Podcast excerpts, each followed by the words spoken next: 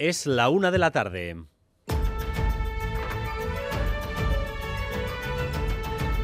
Crónica de Euskadi con Dani Álvarez. A Ratzaldeón, la temperatura preelectoral se va elevando en el país tras la última semana que hemos atravesado con anuncios, cambios en las candidaturas y comentarios de todo tipo. El recambio Urcuyu Pradales, la negativa de Otegui a presentarse y el proceso interno de Euskal Herria Bildu para decidir quién lidera su lista en su momento más dulce electoralmente desembocan hoy en la publicación de una encuesta por parte del gobierno vasco, un sociómetro para las autonómicas. Y la encuesta nos dice que las distancias se están apretando. El PNV volvería a ganar las elecciones con 29 escaños, dos menos, pero la distancia con respecto a Euskal Herria Bildu, que es el partido que más sube, se reduce a cuatro representantes. Los de Otegui pasan de 21 a 25. También suben el PSE y el PP.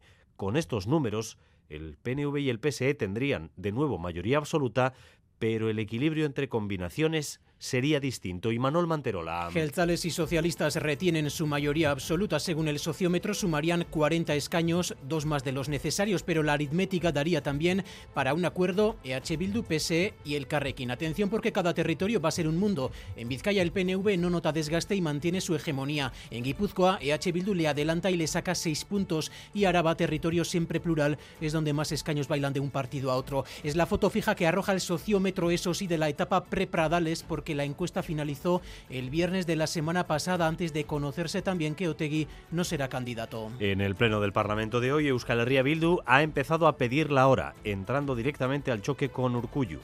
Elecciones ya, su partido no le quiere, pero el gobierno no ha rehuido esa confrontación. Lo ha hecho en varios temas y niveles y también saliendo al contraataque. Su partido ya no confía en usted y su socio de gobierno está manifestando que el suyo es un modelo agotado. Quien no hace un esfuerzo constructivo para nada es usted y es Euskal Herria Bildu, como se está demostrando en las últimas fechas. Mantra bat balitz bezala, egoera katastrofista batean bizi omen gara. Usted lleva al extremo el plan político de Sortu, que un malestar social permanente para el asalto al poder. Y esta mañana hemos escuchado en Boulevard a la alcaldesa de Pamplona, Cristina Ibarrola. Desde que tomó posesión, sobre ella pesa la posibilidad de que le planten una moción de censura, que de momento es solo eso, un rumor. Ha venido además en un momento dulce, exultante por el espectáculo de los farolillos en San Saturnino, que tuvo una asistencia masiva. Y lejos de temer que la echen, se sube al carro de la moderación propuesto por Javier Esparza e invita al PSN y a Gueró Abay a pactos creo que la coordinadora del no que han formado y que llevan cinco meses diciendo no a todo, en algún momento tendrá que tener su fin. Se lo voy a poner fácil. Yo confío, desde luego, plenamente en que podemos acordar muchos proyectos. De hecho, en privado están de acuerdo con muchos proyectos. Detenido en Alemania el hombre acusado de maltrato que huyó con su expareja y su bebé que vivían en un piso tutelado el detenido de ellas de momento no se sabe nada, a Negoñi. El hombre tenía una orden de alejamiento de su exmujer. Ella se encontraba en un centro tutelado de la Diputación de Guipúzcoa junto a su bebé, aunque rechazó el servicio de escolta. Durante un paseo decidió marcharse con su expareja, días antes de que se celebrara una vista para decidir si se le imponía una pulsera telemática. Se puso en marcha entonces un dispositivo de búsqueda internacional que ha llevado a la detención del acusado en Alemania. Por el momento no se tiene noticia de la mujer ni de la niña que al parecer tienen familiares en el país. El vicelendacari y consejero de Seguridad Josué Ercoreca ha recordado que ella tiene libertad de movimiento. En cualquier caso, si decide regresar a Euskadi, la Ertzaintza pondrá en marcha un dispositivo de protección para la mujer.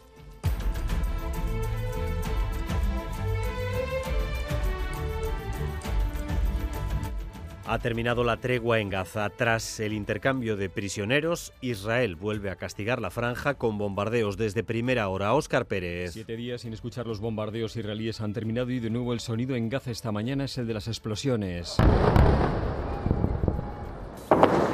En la ofensiva esta mañana han participado tanques, soldados y aviones. El Ministerio de Sanidad gazatí asegura que han provocado más de 50 muertos. Los ataques además se han producido también en el campo de Yan Yunis, al sur de la franja en teoría más segura. El portavoz del gobierno israelí sitúa la responsabilidad de la ruptura del alto el fuego en Hamas. Unfortunately, Hamas decided to terminate the pause Desafortunadamente, jamás ha decidido acabar con el alto el fuego al no liberar a todas las mujeres y niños y volver a lanzar cohetes, ha justificado el portavoz israelí. Jamás niega que, que esas hayan sido las razones de que se haya acabado la tregua y asegura que Israel quería acabar con ella y volver con su ofensiva sobre la franja.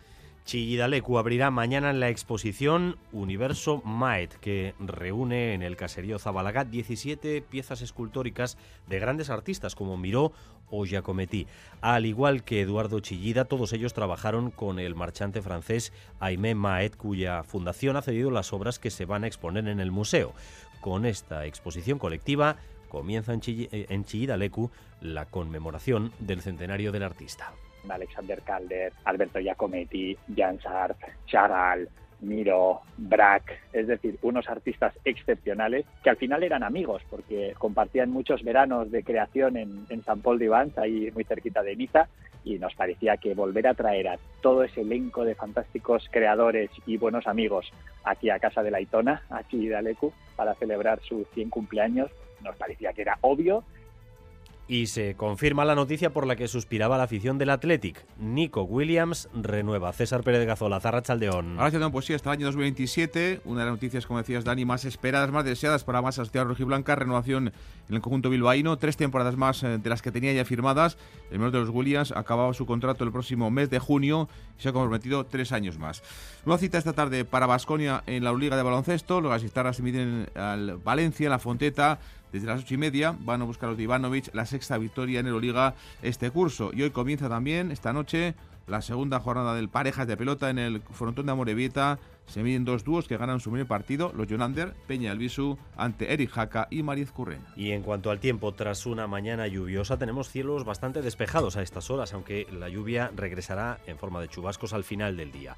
Nos espera un fin de semana frío, las temperaturas irán bajando con el paso de las horas y también la cota de nieve que se podría situar en torno a los 1000 metros esta misma noche. Así que ahora mismo tan solo 12 grados en Bilbao, apenas 9-10 en Donostia o en Bayona, 7 de temperatura en Vitoria-Gasteiz y en Pamplona. Ahora mismo no hay problemas para circular, pero la Erchancha busca testigos del atropello mortal que ocurrió el miércoles en el entorno de Galarreta, en Hernani un turismo atropelló a dos mujeres que tras resultar heridas fueron evacuadas al hospital de Donostia. Una de ellas, de 93 años, falleció después. Las personas que puedan aportar información sobre ese accidente pueden ponerse en contacto con los agentes de investigación en el teléfono de tráfico 943 53 91 19. 943 53 91 19.